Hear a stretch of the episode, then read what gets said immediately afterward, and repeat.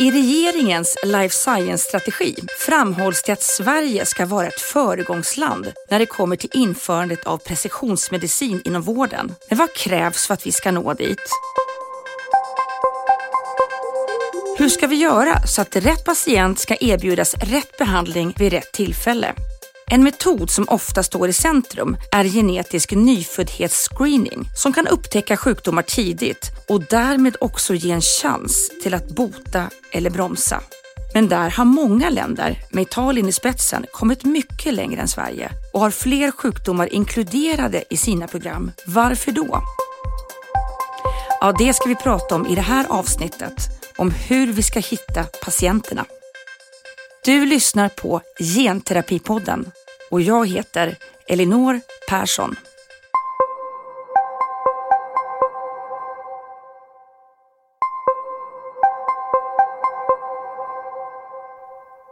Och med mig i det här avsnittet har jag tre gäster. Välkomna. Tack. Tack. Tack. Ni får presentera er själva. Ann Nordgren heter jag och jag är klinisk genetiker på Karolinska Universitetssjukhuset och jag är också forskargruppsledare för en forskargrupp som heter Rare Diseases och professor på Karolinska. Och i den forskargruppen så sysslar vi väldigt, väldigt mycket med diagnostik och vi använder oss av den nya moderna gentekniken. Men vi har också ett väldigt viktigt annat ben i vår forskning som handlar om att kartlägga hur patienter med olika sällsynta diagnoser mår och vad de har för, för samsjuklighet och så vad det innebär med de här nya diagnoserna. Och jag heter Lina Keller och eh, jag är molekylärbiolog i grunden och har disputerat på Karolinska och jobbat med genetik och epidemiologi mest och jobbar sedan fem år tillbaka på Socialstyrelsen där jag jobbar med våra screeningprogram, både cancerscreeningprogrammen och med eh, bedömningar av nya sjukdomar som kan införas i nyföddhetsscreeningen. Och, eh, mitt namn är eh, Maur Tulinius. Jag är barnläkare eller pediater och arbetar vid Sahlgrenska universitetssjukhuset i Göteborg, närmare bestämt vid Drottning Silvias barn och ungdomssjukhus. Men jag är också professor i pediatrik vid Göteborgs universitet. Jag eh, sysslar med eh, neuromuskulära sjukdomar och det har jag gjort sedan 90-talet. Och eh, där har jag varit inblandad i diagnostik men också i uppföljningsprogram eller vårdprogram där vi följer barn med eh, neuromuskulära sjukdomar. Och de sista tio åren har jag varit inblandad i läkemedelsstudier eh, på två av dessa sjukdomar.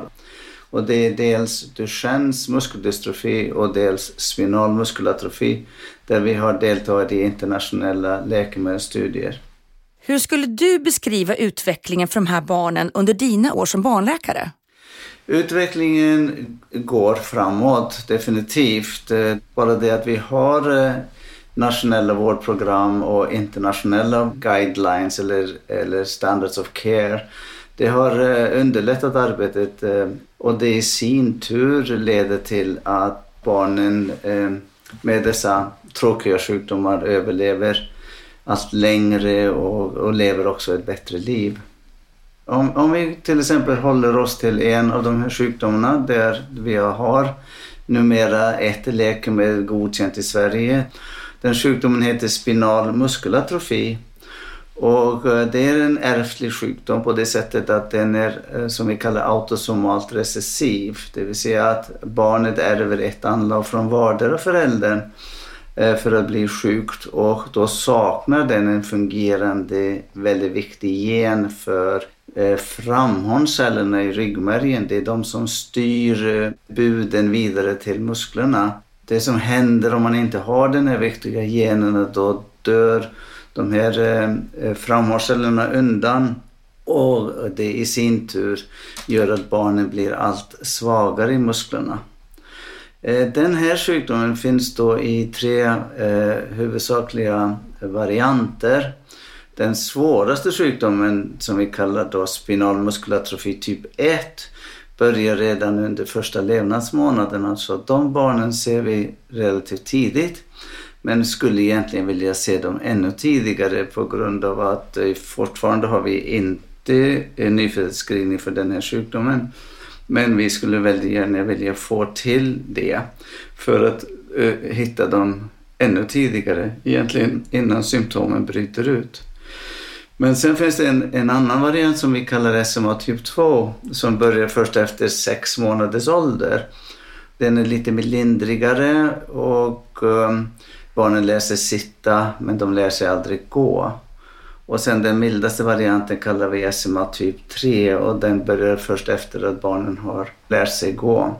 Och skillnaden på de här olika typerna är framförallt då eh, beror på den genetiska uppsättningen att man har flera kopior av en annan gen som stöttar upp det hela. De svårare formerna hittar vi, i bästa fall hittar vi dem inom några veckor efter insjuknandet. Men tyvärr det, kan det också dröja tills tre, fyra månader efter insjuknandet.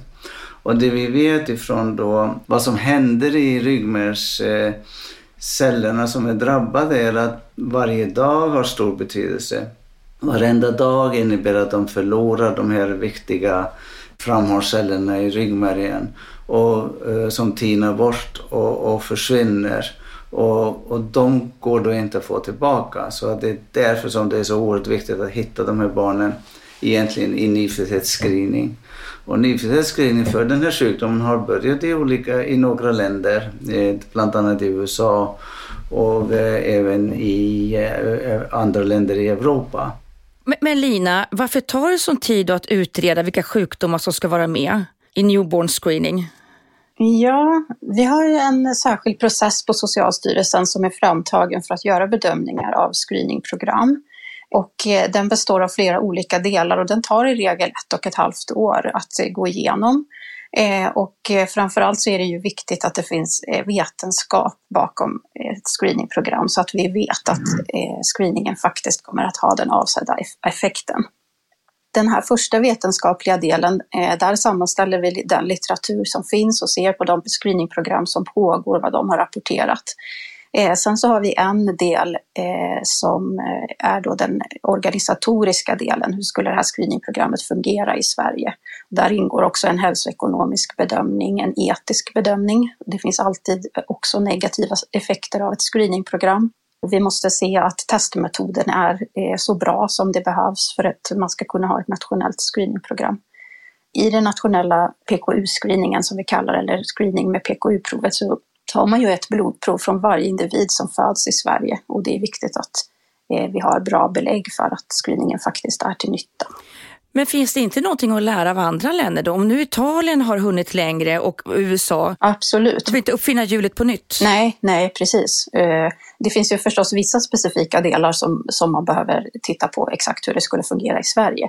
Men, eh, men absolut, när det gäller metod till exempel så tittar vi alltid på hur andra gör. Ja, hur ser samarbetet ut med andra länder? Vi har ett nordiskt nätverk eh, som Socialstyrelsen håller i. Men framförallt så är det ju PKU-laboratoriet som har mycket samarbeten med andra eh, laboratorier som jobbar med nyföddhetsscreening. Man kan ju tillägga här att det, att det är faktiskt bara sedan 2014 som Socialstyrelsen är involverad i de här bedömningarna och eh, idag har vi ju 25 sjukdomar i nyföddhetsscreeningen. I USA har man mer än 50 sjukdomar i screeningen. Eh, och Socialstyrelsen har bara varit med och bedömt ett av dem eh, som finns med. Den här sista som är nu den 25 sjukdomen som inkluderats, den har Socialstyrelsen bedömt. I övrigt så är, är det ju professionen själva, eller PKU-laboratoriet, som har eh, gjort bedömningen av de övriga programmen. Men skulle ni säga att vi har ett sjukvårdssystem som skapar förutsättningar för att lägga resurser på screening och tidig diagnostisering? Vad säger du Lina? Ja, jag, ty jag tycker att eh, den process som vi har och arbetar efter är gedigen och väldigt transparent. Eh, det är de kommentarer som vi ofta i alla fall får när vi publicerar, att det går i alla fall bra att förstå vad det är som är för eller emot screening. Eh, sen har ju nyföddhetsscreeningen förstås, jag jobbar också med cancerscreeningprogrammen, men nyföddhetsscreeningen har ju sina svårigheter och det beror ju bland annat på att det är väldigt svårt att få den typen av evidens som man skulle eh, vilja se för att införa ett screeningprogram. När det är sällsynta diagnoser och nya läkemedel och så, då, då har man ju inte samma typ av evidens eh, som man har när det gäller till exempel cancerscreening. Så det handlar inte om att vi har olika syn på det här i, alltså i olika länder i Europa? Jo, vi har både olika syn och olika lagstiftning skulle jag säga också, som man behöver ta hänsyn till. Så man kan också komma ihåg att Socialstyrelsen rekommenderar screeningprogram och sen är det regionerna själva som organiserar och bestämmer själva om de vill screena eller inte.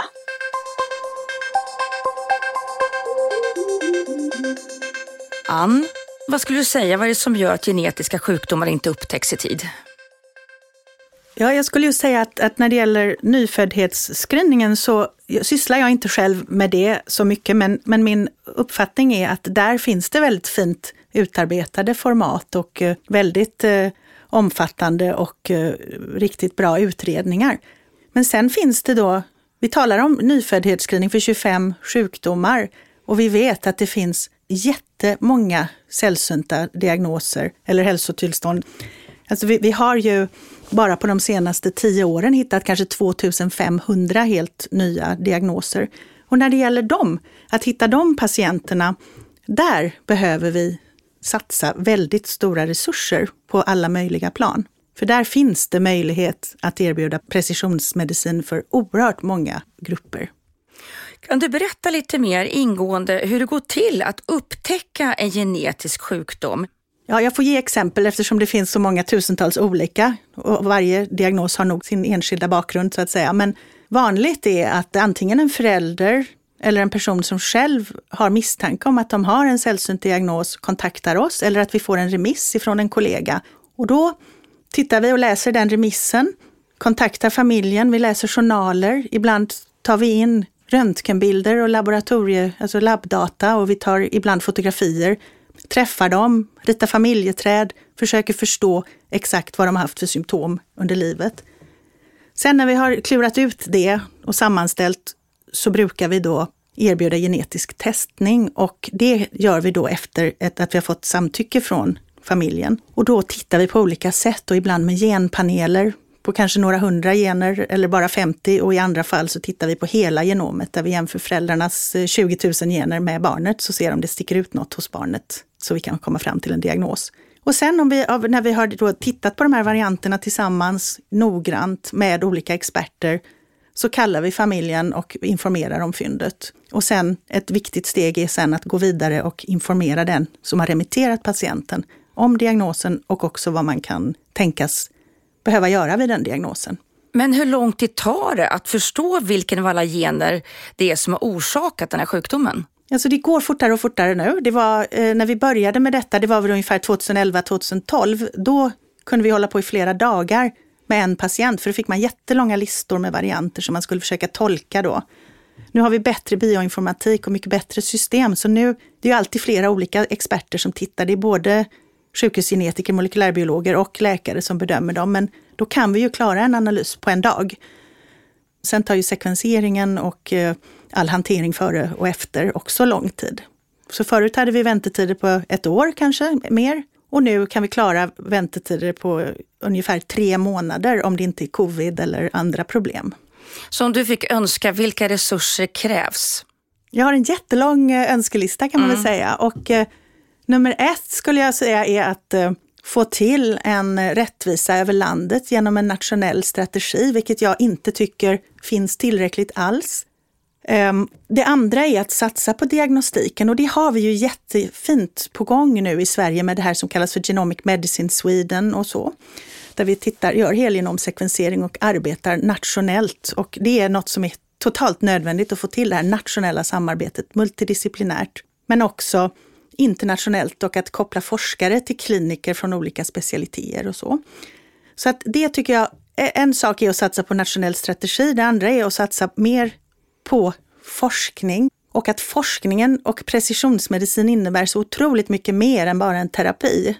För mig innebär precisionsmedicin diagnostik, men det är också att samla data på en plats så att man kan forska och ta reda på mer. Och det är att samla in information om patienters symptombild vid de här olika diagnoserna. Det är att också ta in patientperspektiv och hur man ska kunna med liksom precisionsmedicin hjälpa patienten på riktigt. Så det är jättemånga olika bitar i det här som kallas för precisionsmedicin, som jag på något sätt tycker ofta börjar låta som att det mest handlar om helgenomsekvensering och att hitta en terapi. Men vi måste komma ihåg att det är så otroligt få sällsynta diagnoser som har en terapi att erbjuda idag. Så vi måste satsa på att hitta de här patienterna. Men vad är det för skillnad runt om i landet? Alla remitteras inte, det är jättemånga som inte ens remitteras för att kunskapen inte finns eller för att någon region tycker att det här verkar vara forskning. Så att vi behöver lyfta kunskapsnivån och vi behöver hitta nationella rekommendationer om hur man ska utreda patienter så att det inte blir en sån enorm orättvisa som jag upplever faktiskt. Mar, vad säger du om det som Anna pratat om? Jo, jag håller helt med. Och när det gäller sällsynta sjukdomar generellt kan man säga att kunskapen är kanske väldigt varierande. Det kan vara svårt för en, en BVC-läkare som kan vara allmänläkare eller barnläkare att kunna alla de här sjukdomarna väl och hitta dem. På de mindre ställena där finns inte riktigt kunskap om de här sjukdomarna på samma sätt som, som kanske på nationella eller regionala kliniker. Så att Eh, när det gäller nyföddsscreening och den här så kallade precisionsmedicin, om vi kallar det genterapi eller om vi kallar det RNA-modulerande behandlingar, då är det, är det helt nödvändigt att hitta dem tillräckligt tidigt, för annars blir det väldigt ojämlikt mellan olika regioner. Och, och jag tror nog att om Socialstyrelsen har gett samtycke till eller, eller rekommenderat skri screening för en sjukdom, då tror jag nog inte att regionerna sätter sig emot det. Jag tror att, jag känner inte till att det finns en, en skillnad mellan olika regioner i Sverige vad gäller nyföddhetsscreening. Jag tror alla screenar för samma, samma 25 sjukdomar och de kommer att bli fler allt eftersom tiden går. Förstår du att det tar tid? Oh ja, jag har full förståelse för att det, det behöver ta tid och det behöver göras en väldigt eh, noggrann utredning eh, och det är många, många aktörer inblandade i den utredningen. Både externa eh, specialister eller experter och sen den interna utredningen som Socialstyrelsen gör.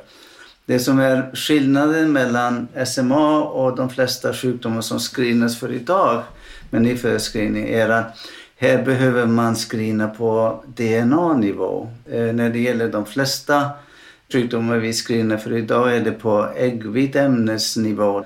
Men skillnaden här är att man screenar på DNA-nivå och det ställer ännu högre krav och ännu mer funderingar runt hur ska man ställa sig till de här barnen som har mildare sjukdom till exempel. De som egentligen man inte hittar förrän kanske vid två års ålder eller tre års ålder eller även senare i livet.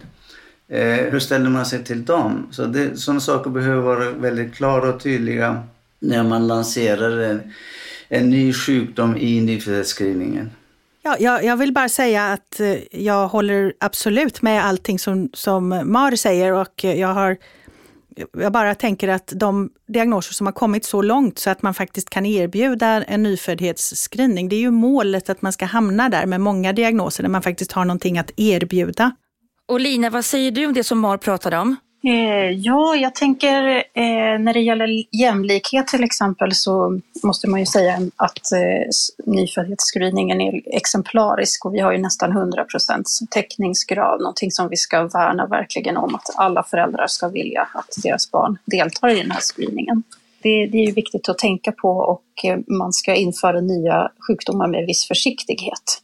När det gäller screening generellt och eh, även när det gäller nyföddhetsscreeningen så finns det alltid negativa effekter också. Eh, ingen metod är hundraprocentigt bra på att hitta och utesluta eh, sjukdomar och man kommer att hitta falskt positiva resultat. Man kommer återkalla familjer och barn för nya provtagningar och så visar det sig att barnet inte har sjukdomen till exempel. Och man kommer också missa barn som Eh, screenas men inte ger utslag i screeningen. Och då kan det till exempel leda till att man har en falsk trygghet och eh, professionen har inte den här diagnosen längre i åtanke för de vet att de här barnen hittas i screeningen så då kan det till och med leda till en försenad diagnos.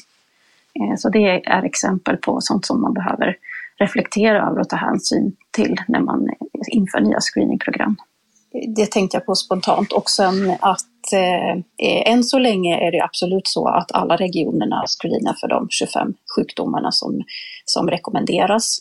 Det är ingen region än så länge som har eh, liksom velat backa ur när det gäller någon sjukdom. Och det, det ska vi ju verkligen värna om, att så ska ju inte heller bli fallet framöver. Utan det är ju viktigt att det finns en, en strategi hur man ska ta hand om de här barnen när man hittar dem och så vidare. Men om du får önska Lina, finns det något sätt att det här skulle kunna gå snabbare? Alltså det, jag tänker att det behöver få ta tid och särskilt eh, när det inte är helt färdigt ännu vem som ska ges vilken behandling. Vi behöver liksom ha på fötterna ordentligt. Man vill inte att eh, en läkare ska ha screenat fram ett barn och sen inte veta vilken tillgång det finns på, på de behandlingar som behövs till exempel. Ann, du vill in här. Ja, jag ville bara hålla med om att där finns det med nyföddhetsscreeningen en, en jämlik vård, jämlik utredning. Mm.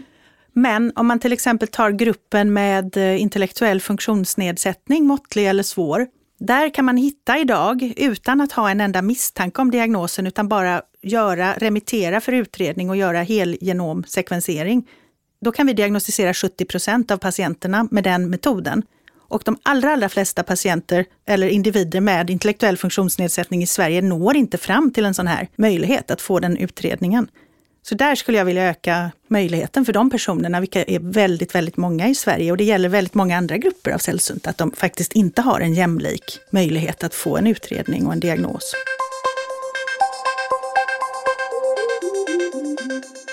Det finns nya behandlingar för sjukdomar som tidigare inte var behandlingsbara. Är vi snabbfotade nog att ta dem i bruk? Nej, jag tror att vi skulle kunna spida på den här processen på väldigt många uh, olika plan genom att samarbeta tätare med varandra. Och också genom att skapa, jag försöker kämpa för att vi ska få, få till diagnostiska register. Alltså där man bara kan lägga in vilken gen det är som är förändrad hos den specifika individen för att kunna hitta patienterna snabbare till exempel för att kunna koppla dem till andra fina register vi har för att kunna förstå mer om, om sjukdomarna snabbare. Men sen också att genom stora europeiska och internationella samarbeten samla mer information snabbare. Det skulle också detta kunna med register kunna underlätta, som exempel. Jag kan hålla med Ann där också. Att det finns ett behov av att arbeta snabbare, vara lite mer snabbfotat som, som du säger. Um, och samtidigt är det oerhört viktigt att det, det görs enligt konstens alla regler och, och att, att, man vet vad man gör så man inte sen står där med en massa information som egentligen inte är till någon glädje för, för den familjen då till exempel när det gäller nyföddhetsscreening. Men hur svårt är det på en skala att säkerställa att rätt patient får tillgång till de här nya liksom, innovationerna? För det är, ju, det är ju effektivt men också väldigt kostsamt. Ja, man, det, det, om det gäller till exempel då eh, många av de här sjukdomarna som screenas för idag. Jag menar vi kan ta PKU som är en sak. Att då, man skulle inte hitta PKU-barnen eller barnen som har den här sjukdomen eh, fenylketonuri Eh, förrän kanske vid två års ålder eller ett till två års ålder där deras utvecklingsproblematik skulle börja eh, bli markant. Men genom screeningarna då kan man sätta dem på rätt diet från början. Och då vet vi att de utvecklas normalt eftersom de slipper den här sjukdomen. Så att eh, det är därför det kallas PKU-lappen och det var den första sjukdomen som man påbörjade nyföddhetsscreening med i världen. Ann? Igen så beror ju detta väldigt mycket på vilken diagnos vi talar om, men generellt så är, sett så är det ju svårt och sen är ju detta jättestora och jättesvåra, etiskt svåra frågor får vi låta bli att försöka leta efter någonting som kan vara behandlingsbart, bara för att det kan vara kostsamt. Den typen av beslut måste ju i så fall fattas eh, ovanifrån, från regeringen och kan inte ligga på enskilda vårdgivare. Liksom. Jag, jag tror ju personligen själv på att man ska försöka driva diagnostik så långt det bara går. För Det är inte alls alltid det slutar i att det blir något jättedyrt läkemedel, utan det kan också sluta med att man rekommenderar ett ultraljud för att man kan få blödande små tumörer i njurarna som kan spricka om man dör. Och det kostar inte så mycket att rädda livet på någon genom ett regelbundet ultraljud. Eller det kan vara också att aortan kan spricka och sådana saker som man kan operera förebyggande. Så att precisionsmedicin är verkligen inte bara att kunna ge olika preparat eller behandlingar, utan det kan också vara väldigt billiga saker. Men när det gäller de här där man faktiskt verkligen ser att det räddar ibland liv eller förbättrar livssituationen så ja, de besluten måste fattas på, på hög nivå i så fall och vara rättvisa. Så har jag en sista fråga till alla tre här. I regeringens life science-strategi så framhålls till exempel då att Sverige ska vara ett föregångsland för införande av precisionsmedicin i vården. Kommer vi att bli ett föregångsland? Vad säger du Ann? Ja, jag tycker att vi till stor del redan är det. Vi ligger väldigt långt framme. Så svaret på den frågan tycker jag är ja. Men att vi behöver få nu mera hjälp och resurser i form av människor som kan arbeta med detta för att driva det framåt och också hela tiden inkludera patienterna. Alltså jag menar vad patienterna själva vill och tänker om de här frågorna. Vad säger du Lina? Eh, nej, jag håller med Ann där. Eh, och jag tänker när det gäller nyföddhetsscreeningen så går vi in lite i en ny era här med nya etiska perspektiv som vi behöver hantera. Och det kommer vi ta oss an. Och eh, jag ser positivt på det här. Härligt att höra. Mar? Ja, jag, jag tycker också att, att eh, Sverige har alla möjligheter att ligga i framkanten eh, eh när det gäller den här typen av precisionsmedicin som vi pratade om. Och eh, lite grann som Lina nämnde här tidigare det här är inte bara ett arbete med nyföddhetsscreening, det är också ett arbete med hur, hur ordnar man upp det för de som man hittar. Och, och där pågår det också rätt mycket arbete via Socialstyrelsen, via SKR. Att eh, reda ut exakt var ska den här behandlingen, den här nya dyra eh, behandlingen som till exempel genterapi, var ska den ske? Eh, och vilka ska hålla i det. Så att, menar, det går lite grann hand i hand eh, den här utvecklingen framåt tycker jag. Låter jättebra. Tusen tack till er Mar Tulinius, barnläkare och professor på Salgrenska, Ann Nordgren, klinisk genetiker och professor på Karolinska och Lina Keller, projektledare på Socialstyrelsen. Tack. Tack. tack, tack.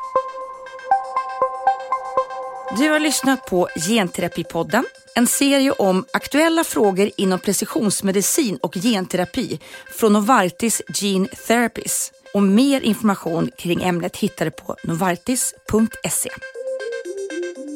Jag heter Elinor Persson. Tack för att du lyssnade.